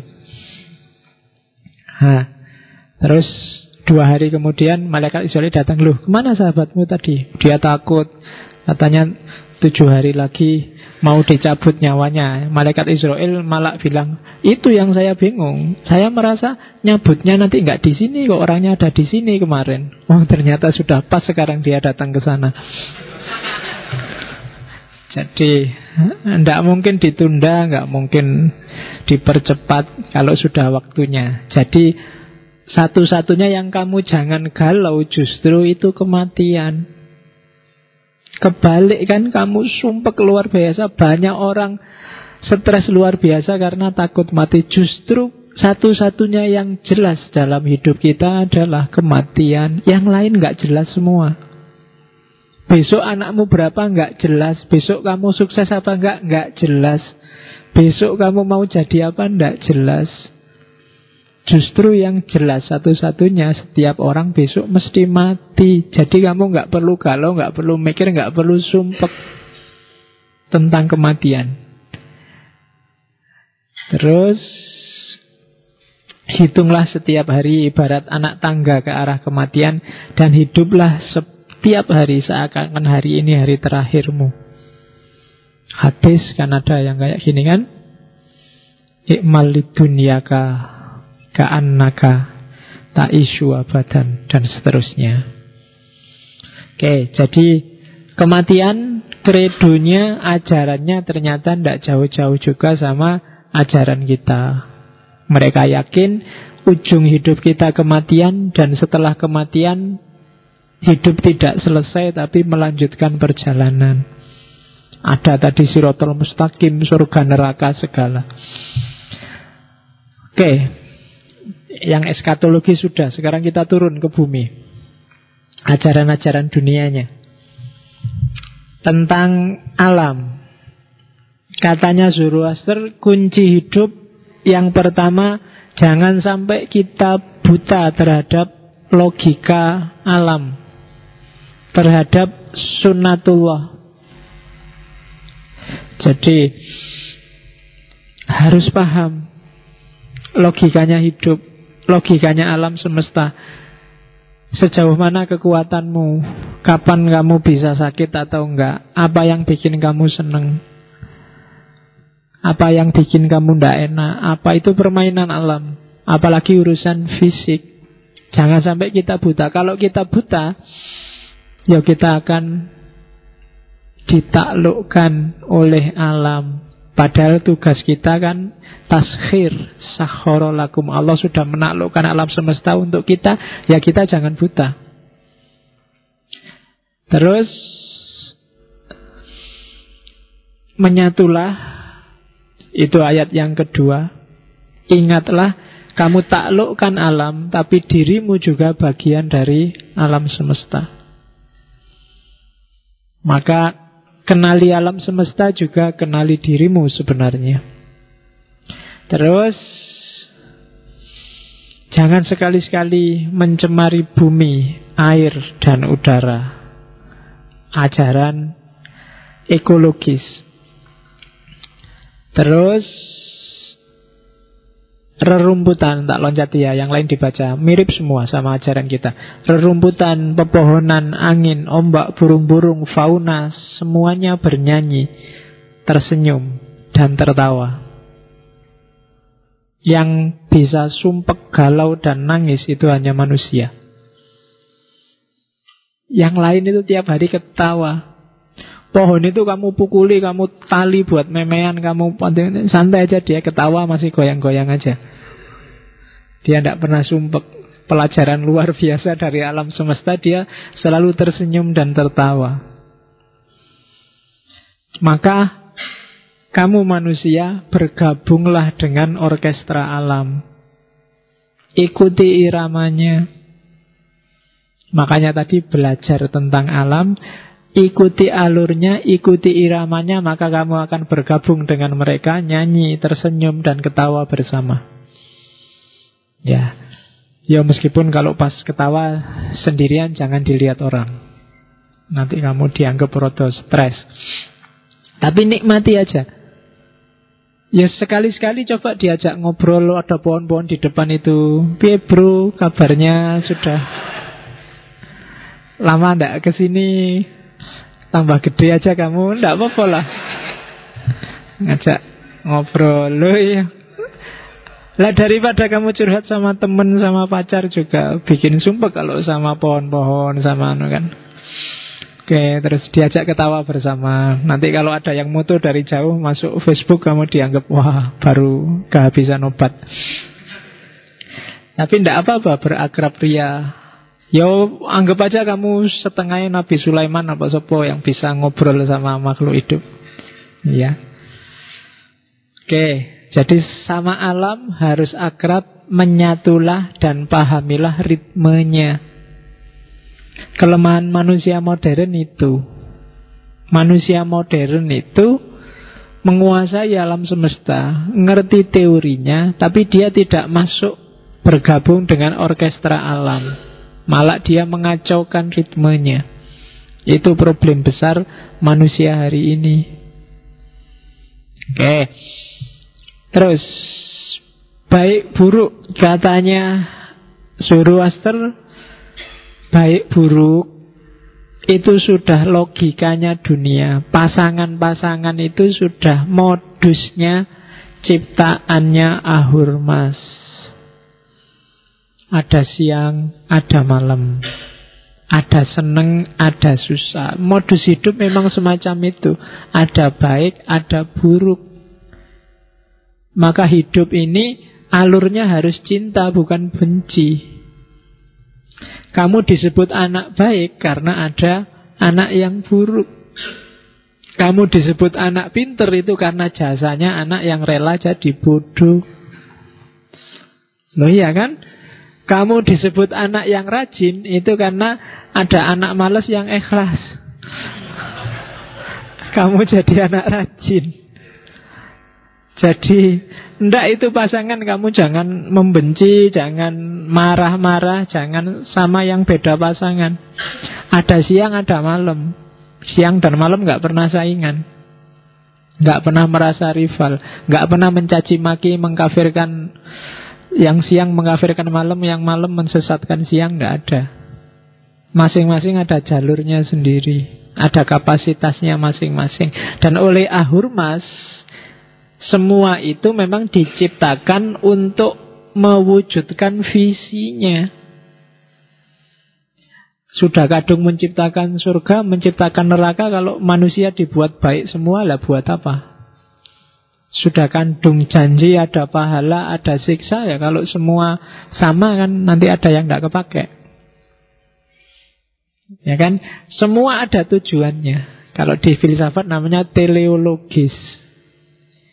Jadi ada telosnya, ada skenario-nya. Terus dan semua itu sesuai dengan citranya Ahurmas. Jadi hidup ini selalu ada baik, ada buruk, ada pinter, ada bodoh, ada siang, ada malam, ada laki-laki, ada perempuan, ada gelap, ada terang, dan itu alami. Di Indonesia juga kan selalu ada pasangan-pasangan itu kan. Ada pemerintah, ada rakyat. Ada dosen, ada mahasiswa. Ada takmir, ada...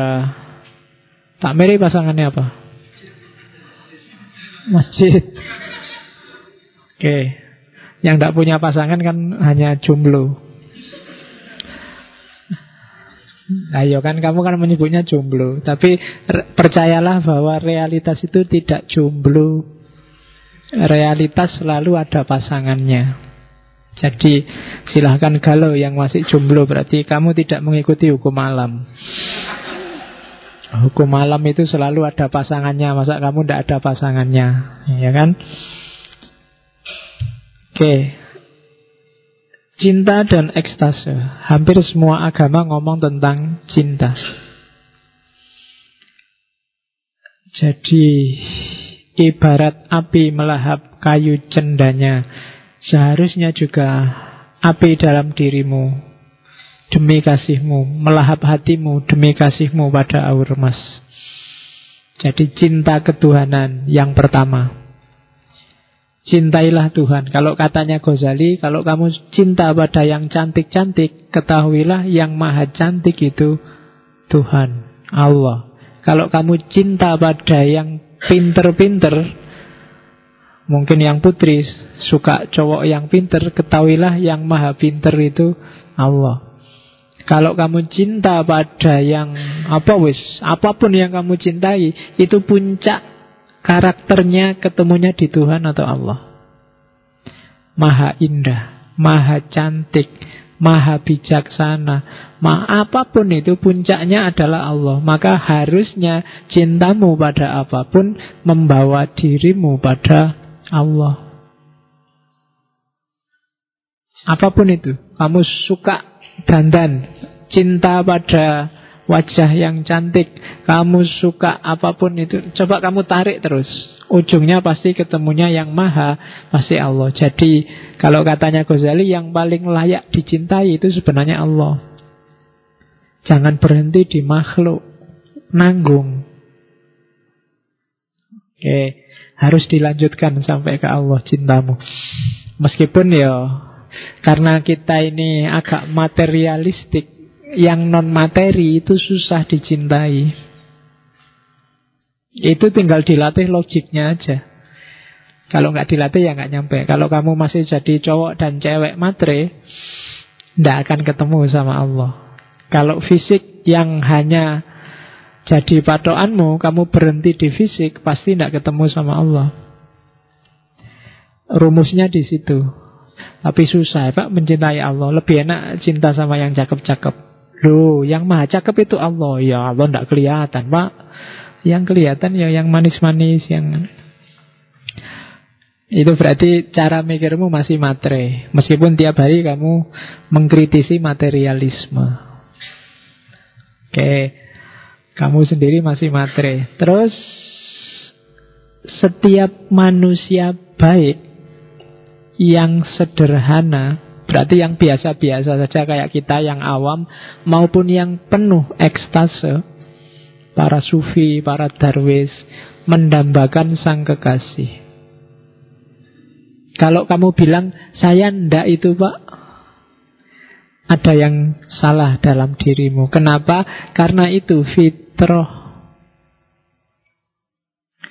Segala sesuatu fitrahnya adalah kembali ke asal.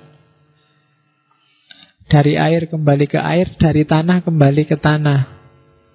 Sementara kita dari Allah. Logikanya, normalnya kita pingin segera ketemu sama Allah. Kalau tidak, ada proses yang tidak pas yang kita jalani. Kalau kamu tak bilang semoga kamu segera ketemu Allah, kamu kan wah berarti doain jelek pak, saya segera mati berarti. Enggak, enggak. Justru harusnya setiap jiwa itu rindu untuk kembali ke asalnya.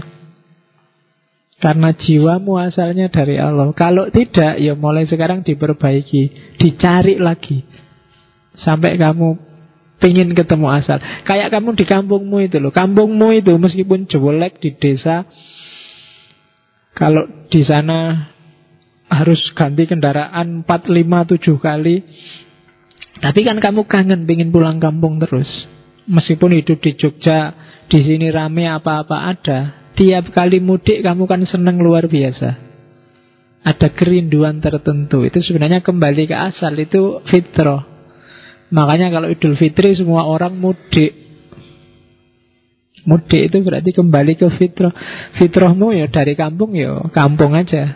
Yang kamu rindukan. Kan gitu. Yang dulunya pernah di Jogja terus nggak di Jogja, mesti rindu ke Jogja karena dulu pernah di Jogja. Jadi asalnya dari mana, pernah ngalami apa aja, biasanya orang rindu. Nah, harusnya setiap orang juga jatuh cinta sama sang kekasih Allah karena innalillahi wa inna ilaihi rojiun kita itu dari Allah dan nanti kembali ke sana. Oke. Cinta itu ada di mana-mana baik di gua maupun di kuil. Cuma pesannya Zoroaster kalau kamu sudah ekstase, sudah mabuk dengan cinta ketuhanan, jangan bilang-bilang. Jangan kau ungkap misteri kasih dan ekstase ini ke orang yang tidak menghargainya. Karena mereka sibuk memuji diri mereka sendiri dan akhirnya mati dalam kebodohan.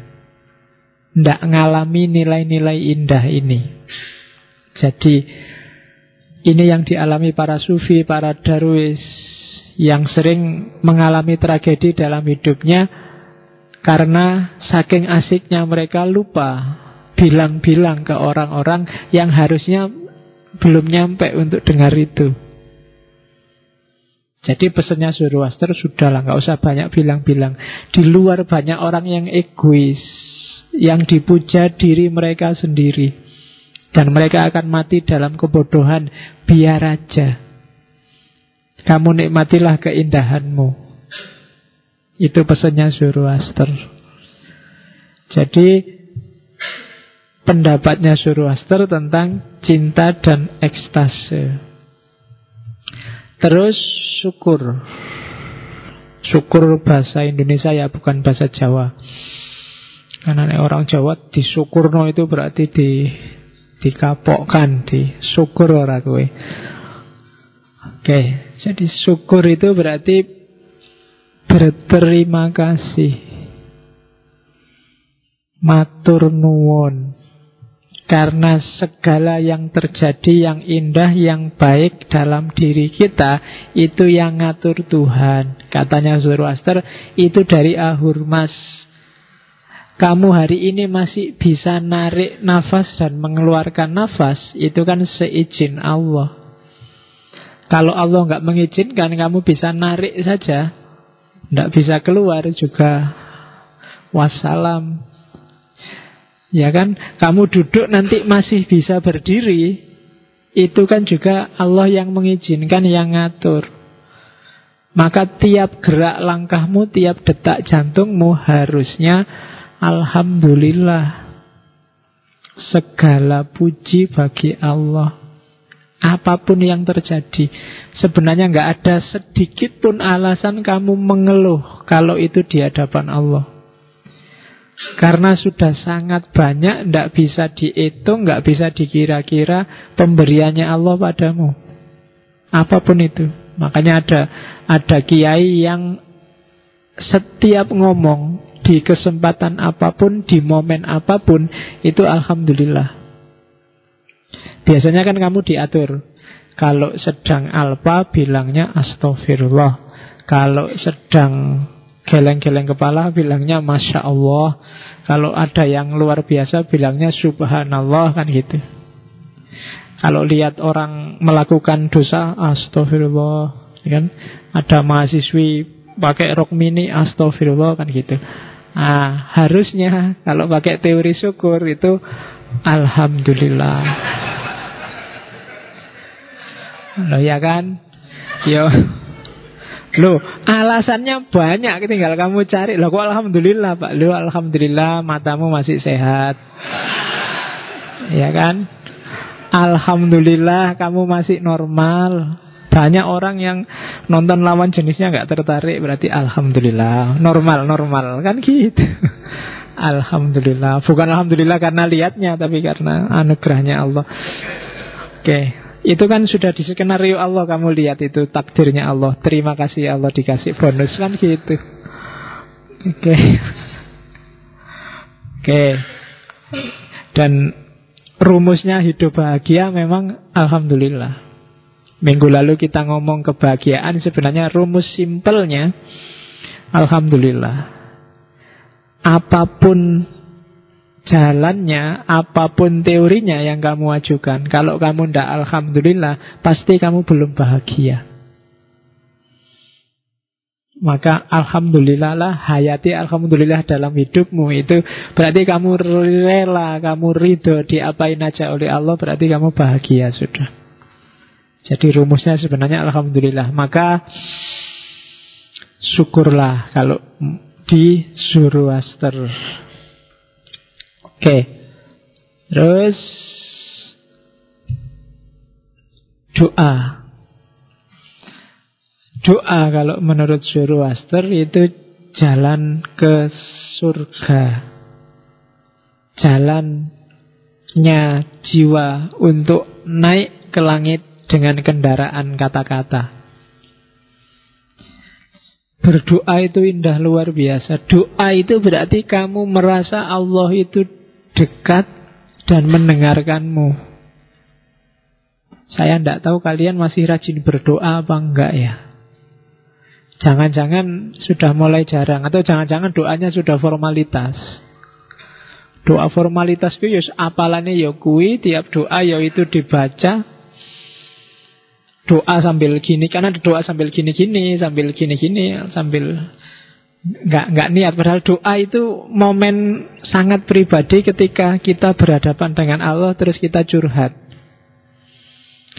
Ya kan kalau kita curhatnya hatinya nggak hadir ya kan eman-eman. Mintalah. Nggak usah harus doa yang kamu apalin. Ngobrol aja pakai bahasa Jawa bahasa Indonesia yang kamu bisa. Ya Allah ngasih nilai aja kan nggak susah kan? Kan Masa cuma aja apa susahnya bagi engkau ya Allah kan? Santai aja lah. Kan gitu ndak apa-apa. Mau akrab? Ya Allah pacar satu aja loh. Dicoba lah Siapa ngerti saya semakin Soleh kalau punya pacar? Coba sekali-sekali. Loh ndak apa-apa. Ya ngobrol kan ya, Biar Allah itu jadi bagian dalam hidupmu gitu loh Kan? Selama ini jauh sekali. Libatkan terus menerus Ya yang sudah punya pacar, kalau pas pacaran kan diinget-inget juga, wow, ini ada Allah, sebentar ya Allah. Saya masih pacaran. Nah. Loh, kalau kamu sudah pamit ke Allah pacaran kan nggak berani macam-macam. Paling enggak kan ya sebentar aja. Oke, boleh enggak pegangan? Boleh ya, Allah sebentar aja enggak apa-apa. Oke, ya latihan. Oke, ya kan dan yakin Allah enggak marah kok paling ketawa-ketawa, agak cekikian itu aja. Oke, karena Allah sangat sayang padamu. Nanti ya, nanti tak istighfar tenang aja ya, masih istighfar. Oke, ya jadi kalau bahasanya sudah doa itu adalah caramu untuk naik ketemu Allah dengan kendaraan kata-kata. Terus, yo kalau di Zoroaster dikasih saran cara paling baik itu meditasi. Meditasi itu maksudnya apa sih? Jiwamu hadir, tenang, kusyuk, Tumak ninah kalau istilah kita berhadapan dengannya. Jangan kamu di hadapan Allah, pikiranmu di mana? Kamu ngomong tidak tahu ngomong apa.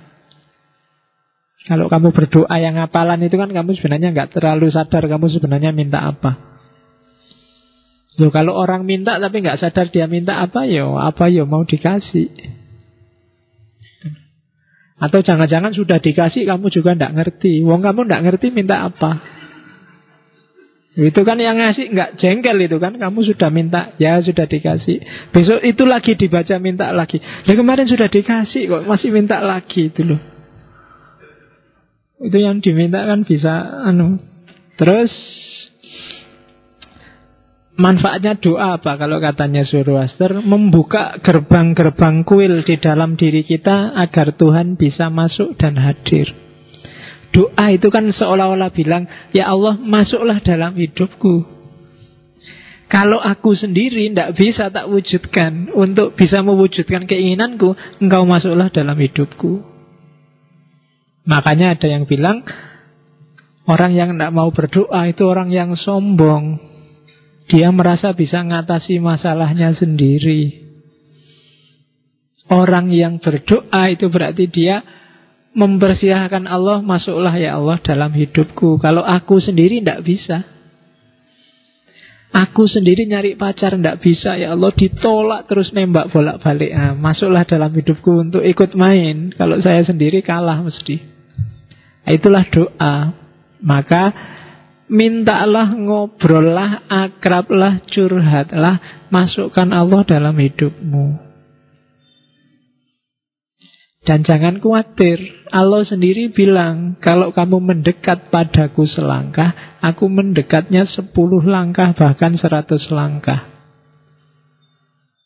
Kalau kamu mempersilahkan Allah masuk, itu Allah senangnya luar biasa. Diperhatikan oleh hambanya. Ternyata aku masih dianggap ada kan gitu. Ternyata masih dianggap penting kan gitu. Kalau kamu sayang sama orang dan orang itu nganggap kamu penting, nganggap kamu, mbok kamu sama aku terus itu kan kamu senangnya luar biasa. Dan insya Allah Allah juga semacam itu. Diajari oleh Zoroaster bahwa doa itu sangat agung karena doa membuka gerbang kuil dalam diri kita agar Tuhan berkenan masuk dan hadir. Oke. Terus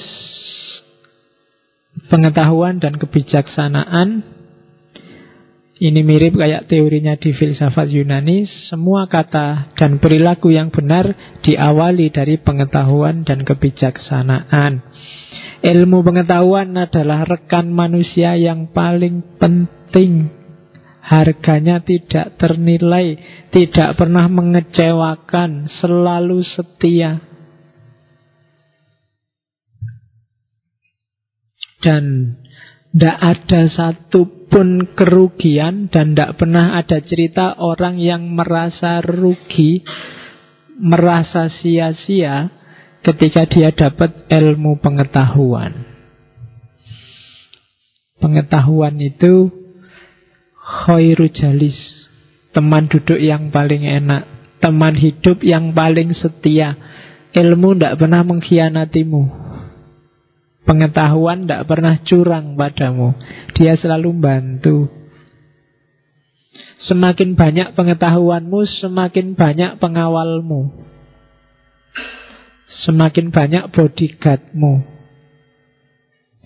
Semakin banyak pengetahuanmu, semakin banyak yang kamu taklukkan. Maka jangan jemu-jemu setiap momen jadikan momen untuk belajar. Tidak harus nunggu ngaji, tidak harus nunggu kuliah. Sambil nongkrong di angkringan, sambil ngerokok pagi hari, sambil di kamar mandi pagi-pagi itu. Tidak apa-apa. Ada nggak yang ke kamar mandi, ke WC sambil bawa buku? Eh, ngerokok ya mesti. Saya dulu sering. Sekarang kadang-kadang. Nggak apa-apa kan di kamar mandi itu lama aktivitasnya. Sambil baca-baca komik apa baca apa kan nggak masalah. Jadi teman terbaik itu buku. Kalau kamu lagi nongkrong, lagi tidak ada apa-apa kan pengetahuan ditambah. Kalau nggak bawa buku yo belajar dari lingkungan sekeliling. Karena setiap momen itu momen untuk nambah wawasan, nambah pengetahuan. Lagi sendirian, nongkrong, nggak ada pacar, di sana ada orang pacaran, ya belajar. Oh kayak gitu. Loh iyalah kan belajar. Meskipun tidak pacaran tapi ngerti teorinya pacaran. Kamu belajar langsung. Observasi partisipan. Oh, Kayak gitu pacaran. Oke. Lo kan ilmu Tidak ada salahnya nggak apa-apa. Oke Dosa Apa sih dosa itu? Semua jalan pikiran yang tidak murni Perilaku yang tidak bersih dan kata-kata yang tidak suci asalnya adalah dari pengetahuan dan kebijaksanaan yang dangkal. Sumber utama dosa, sumber utama keliru dan khilaf itu karena kurangnya pengetahuan. Maka apa pun dosa yang kamu lakukan, Jangan sekali-sekali menghakimi orang lain. Selidiki dirimu sendiri. Karena mungkin banyak keburukan-keburukanmu yang memalukan. Jangan sibuk nyari dosanya orang lain. Wong dosamu sendiri juga banyak. Jadi introspeksi diri kuncinya. Terus apa sih yang batasan dosa dan tidak dosa itu? Antara lain ngasih contoh kalau di Avesta Jangan kau sakiti seekor semut yang sedang bekerja keras Mengangkat sebutir gandum demi melanjutkan kehidupannya Karena ia pun memiliki kehidupan dan kehidupan itu amatlah manis bagi kita semua ini contoh agar kita tidak iseng. Banyak perbuatan yang menurut kita netral bagi Zoroaster itu dosa loh. Kamu jalan misalnya di taman, tiba-tiba tanganmu usil ada daun dipanggil ter, nggak ada iseng aja sih nyabut-nyabut daun, nyabut itu bagi Zoroaster dosa. Gunanya apa? Daunnya terus kamu buang di tempat sampah Buat apa? Ada semut tidak ngapa-ngapain lewat Kamu bunuh semua Suut gitu Ya kan Kamu tega sekali Kamu pembunuh sebanyak itu orang Eh sebanyak itu semut Lu semut itu juga punya adik, kakak, pacar, sepupu Lo kasihan kamu kok tega sekali bunuh Tidak ada gunanya Kan ada cerita wali itu kadang nginjak semut aja menyesal luar biasa. Bukan karena Allah Pak cuma nginjak semut, tapi nginjak semut yang tidak ada gunanya. Ya kalau semutnya kamu lagi enak-enak ngopi, semut yang ngerubung terus mbak usir semua ya tidak masalah itu kan ada tujuannya. Tapi kadang-kadang semutnya nggak ngapa-ngapain dia sudah jalan di pojok sana itu dia minggir-minggir, kamu masih ngejar aja usil, kamu bersihin semua. Kan yang kayak gitu itu yang bisa kayak gitu cuma manusia senengnya dewe. Oke, kadang-kadang kan gitu sama semut lah, sama coro lah, sama cecek lah, sama apalah. Kadang-kadang kamu usil kayak gitu kan. Oke, dan itu dosa katanya Zoroaster. Tidak ada gunanya kok. Kecuali ada gunanya, mungkin kamu mau bikin rempeyek semut apa-apa ya tidak apa-apa dibunuhi terus digoreng. Ya tidak masalah. Kalau nggak ada ya jangan, nggak ada gunanya. Tidak harus iseng. Iman, ya, iman itu kehidupan kehilangan gairah kalau seseorang kehilangan iman kehilangan kepercayaan. Sepinter apa pun dirimu, hidupmu itu bergantung pada kepercayaan demi kepercayaan. Apa pun kepintaranmu wis. Kenapa saya minum? Karena saya percaya bahwa setelah minum hausku hilang.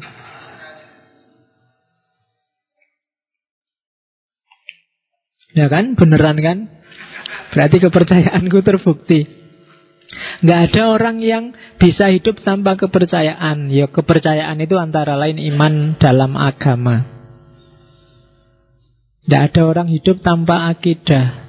Apa pun akidahnya. Seateis apa pun orangnya. Begitu kamu tidak punya kepercayaan, hidupmu akan kehilangan gairah. Kenapa sih mati-matian kamu kerja? Karena kamu percaya begitu kamu kerja kamu dapat hasil hidupmu bahagia. Itu kan percaya. Meskipun ada orang yang sudah kerja hidupnya masih sumpek. Kenapa sih kok kamu tidak kawin? Eman-eman lo uangmu nanti dikasihkan istrimu. Mbok, sudahlah kalau sekedar pingin itu mbok kamu jajan aja misalnya. Ya kan sama aja, kamu nggak kehabis banyak. Cuma kenapa kamu nikah? Karena kamu percaya hidupmu lebih tenang dengan nikah. Iman, kepercayaan. Kenapa kamu kok mau-maunya ngaji kayak gini dua jam? Saya juga kok mau-maunya ngomong rong jam, tidak selesai-selesai. Loh ya kan, lo kalau dipikir kayak gitu lo, ya ngapain capek-capek itu? Tapi kan ada kepercayaan yang kita yakini. Yo sidik-sidik ono manfaatnya syukur lah. Kemarin kemarin katanya sudah sampai sesi ke 100. Saya tidak pernah ngitung, jadi yombo lah. Bu satu, ndak satu, tidak pernah tak hitung. Berarti sekarang 101.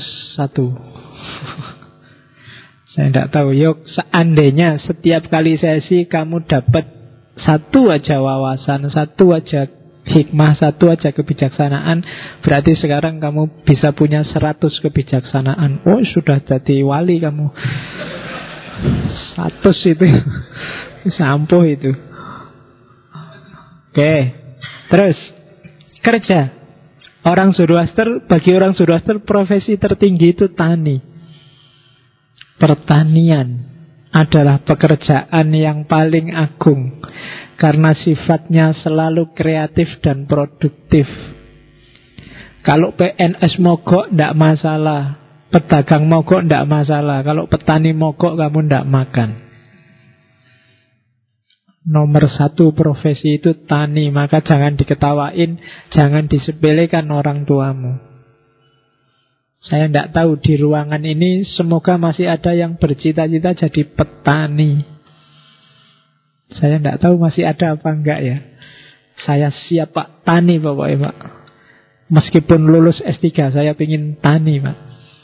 Nah, ada enggak yang masih gitu? Kalau masih ada bagus. Sektor-sektor kreatif dan produktif katanya Zoroaster. Kamu yang menopang kehidupan manusia itu tani. Ya tani bisa dikiaskan dengan ternak dan siang sejenis itu yang menyediain kebutuhan dasar manusia. Manusia dilahirkan agar bekerja dan sejahtera, bukan untuk berleha-leha dan berkarat. Itu bukan dari saya loh, berkarat memang terjemahnya begitu. Kalau kamu males, hati-hati lama-lama kamu karaten. Iya, bahasa Jawa ini tayengan itu. Jadi yang semula warnamu putih Nanti warnamu jadi coklat jelek Nggak kepake Karaten itu harganya jatuh sudah Jadi hati-hati jangan sampai kamu berkarat. Jadi termasuk yang lama jomblo hati-hati kamu berkarat besok. Yang sudah yang sudah waktunya nikah nikahlah. Tidak usah ditunggu-tunggu nunggu apa lagi wong wis tua daripada nanti karatan. ya kalau karatan itu susah sendiri kamu. Oke, kita panen pada saat ini karena usaha leluhur kita di masa lalu. Maka anak-anak kita harusnya menikmati hasil jerih payah kita di masa yang akan datang. Kalau sekarang tidak ada yang mau jadi petani, maka anak cucumu besok entah dia bisa ngerti rasanya beras apa enggak. Kalau nggak ada yang mau jadi tani, anak cucumu besok jangan-jangan makannya burger sama ayam goreng saja, tidak ada nasinya. Jadi nanamlah sekarang Ya sebenarnya maksudnya nanam apa saja Berkarya apa saja Untuk dinikmati anak cucumu besok. Jadi Manfaatnya kerja itu Eksistensial Dan sekaligus futuristik. Eksistensial karena fitrahnya manusia itu kerja. Kayak katanya Kalmak Eksisnya manusia itu karena dia kerja kreatif dan berkarya. Maka dia eksis. Dan yang kedua karena yang diwariskan pada anak cucunya. Maka kerja jadi penting. Waktu adalah milik manusia yang paling berharga. Waktu adalah kehidupan itu sendiri. Waktu tidak bisa dipinjam, tidak bisa dibeli. Waktu yang kau sia-siakan adalah kehidupan yang kau mubadirkan. Waktu yang kau pergunakan sebaik-baiknya adalah kehidupanmu yang terbaik. Seorang yang tidak pernah belajar apa pun dari masa lalu akan dihukum oleh masa depan. Hati-hati dengan waktu. Temanmu paling baik dan musuhmu paling besar itu waktu. Kalau kamu bisa memanfaatkan dengan baik, dia akan sangat membantumu. Tapi kalau kamu melupakan dia, dia akan membunuhmu. Waktu yang kau sia-siakan adalah hidup yang kau mubazirkan. Sehari 24 jam, coba dihitung dari 24 jam itu berapa menit, berapa jam yang menurutmu penting. Menurutmu sudah kamu isi dengan hal-hal yang penting? Kamu rekap sendiri ya. Hari ini aku bangun jam 7 misalnya. Sholat subuhnya agak telat. Terus dari jam 7 sampai jam 12 ngapain aja? 7 sampai 8 ngapain? 8 sampai 9 ngapain? Kira-kira waktu yang mubazir dengan yang tidak mubazir Perbandingannya berapa banding berapa? Nah itu karena waktu Waktulah hidupmu itu Hartamu yang paling berharga. Waktu tidak bisa balik. Nikmati momen apa pun yang bisa kamu nikmati. Itu waktu.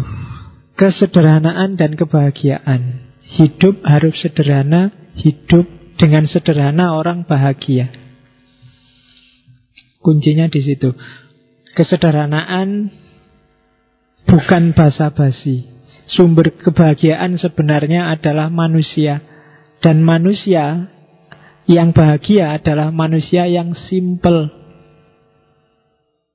Sederhana. Sederhana itu kan bahasa Inggrisnya simple. Simple itu tidak bulat. Tidak terlalu banyak teori, tidak terlalu banyak konsep, tidak terlalu banyak rancangan. Hidup normal saja apa adanya. Orang akan bahagia. Semakin banyak kamu bulat berteori, semakin tidak simpel, semakin kamu sumpek. Maka hiduplah yang simpel-simpel saja. Lapar ya makan, kan gitu. Haus ya minum, ngantuk ya tidur. Normal aja. Ngaji kayak gini ngantuk, ndak usah ditahan-tahan. Wong normal ya tidur aja, nggak apa-apa. Iya kan? Lo ngantuk kan memang obatnya tidur. Simple. Semakin kamu bertahan, semakin kamu tidak bahagia. Lo iya lo Kamu nahan ngantuk kan gak bahagia itu mati-matian. Teklak, tekluk, waduh. Susah. Coba kamu simple aja Nyari sendenan terus merem. Alhamdulillah bahagia Simple aja. Kalau kalau ada yang marah kamu kok tidur? Lah yo ngantuk. Ya kan? Sederhana Sederhana implikasinya bahagia Yang bikin kita nggak bahagia itu kita terlalu jelimet memahami kehidupan ini Terlalu rumit, terlalu ruwet Nah, jadi simple aja. Oke, terus kehormatan diri. Yalah. Jadi derajat kehormatan diri. Kalau tadi harga yang harta paling berharga itu waktu, kehormatan adalah harga yang tidak bisa dinilai. Jangan ditukar dengan apa pun. Itu kehormatan. Kamu boleh miskin, boleh dianggap bodoh, boleh IP-nya jelek, tapi tetap harus terhormat. Mending kamu ndak lulus kuliah daripada maksain biar lulus, terus kamu ujian nyontek dan ketahuan. Karena kehormatanmu jatuh.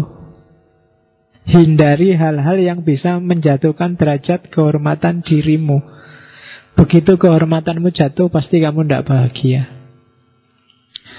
Oke Terakhir Filantropi Filantropi itu perilaku keseharian Berhadapan dengan manusia yang lain Kerajaan Ahurmas adalah bagi mereka yang membantu orang miskin Lupakan dirimu Kenali Tuhan di setiap makhluk dan segala benda Seorang dapat terbang tinggi, lebih tinggi dari malaikat atau lebih rendah daripada lumpur. Ya kan? Ahsanu takwim atau asfala safilin. Oleh karena itu, pertahankan nama baikmu. Jadi muslim yang baik, muslim yang soleh. Berfikirlah sendiri dan jangan melalui orang lain. Dan nggak usah ngereko-ngereko itu kalimat tak tulis terakhir itu bintang dan planet tidak menentukan jalan nasib dan kehidupan kita. Jangan percaya dengan kutukan ilmu hitam, keberuntungan angka wis. Mikir sendiri, rumuskan sendiri hidupmu. Nggak usah terlalu rumit rumit kamu baca-baca ramalan bintang lah baca-baca kan seringan yang kamu gitu ramalan. Mau ramalan bintang itu Kadang-kadang setiap bulan sekali diulang ditampilkan lagi dan kamu masih percaya. Dan saya punya teman wartawan itu ya kentean bahan ya dimasukkan yang bahan 2-3 bulan yang lalu dimasukkan lagi dan itu orang percaya. Kalau kamu ingin ngerti bagaimana triknya ramalan bintang itu ya sebelum kamu baca isi ramalan ya tutuplah anunya tutuplah judulnya yang Taurus, Pisces itu tutupan.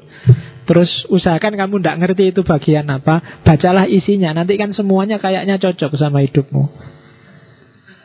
Coba aja.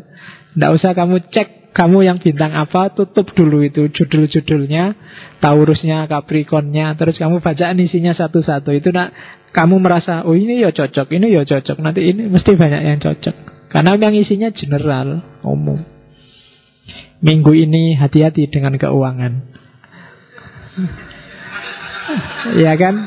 Loh, sebenarnya keuanganmu nggak masalah, tapi kamu terus nyari-nyari kan. Oh, apa ya kira-kira keuangan itu? Wah, iya yang ini mesti gitu.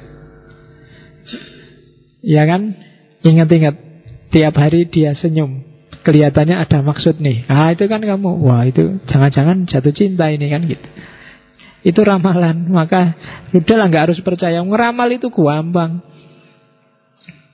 Kalau kamu ditanya orang ngeramal misalnya Mas kira-kira saya gimana Mas? Oh, kelihatannya kamu pernah punya salah ya. Ya mesti wahai mana ada orang tidak punya salah.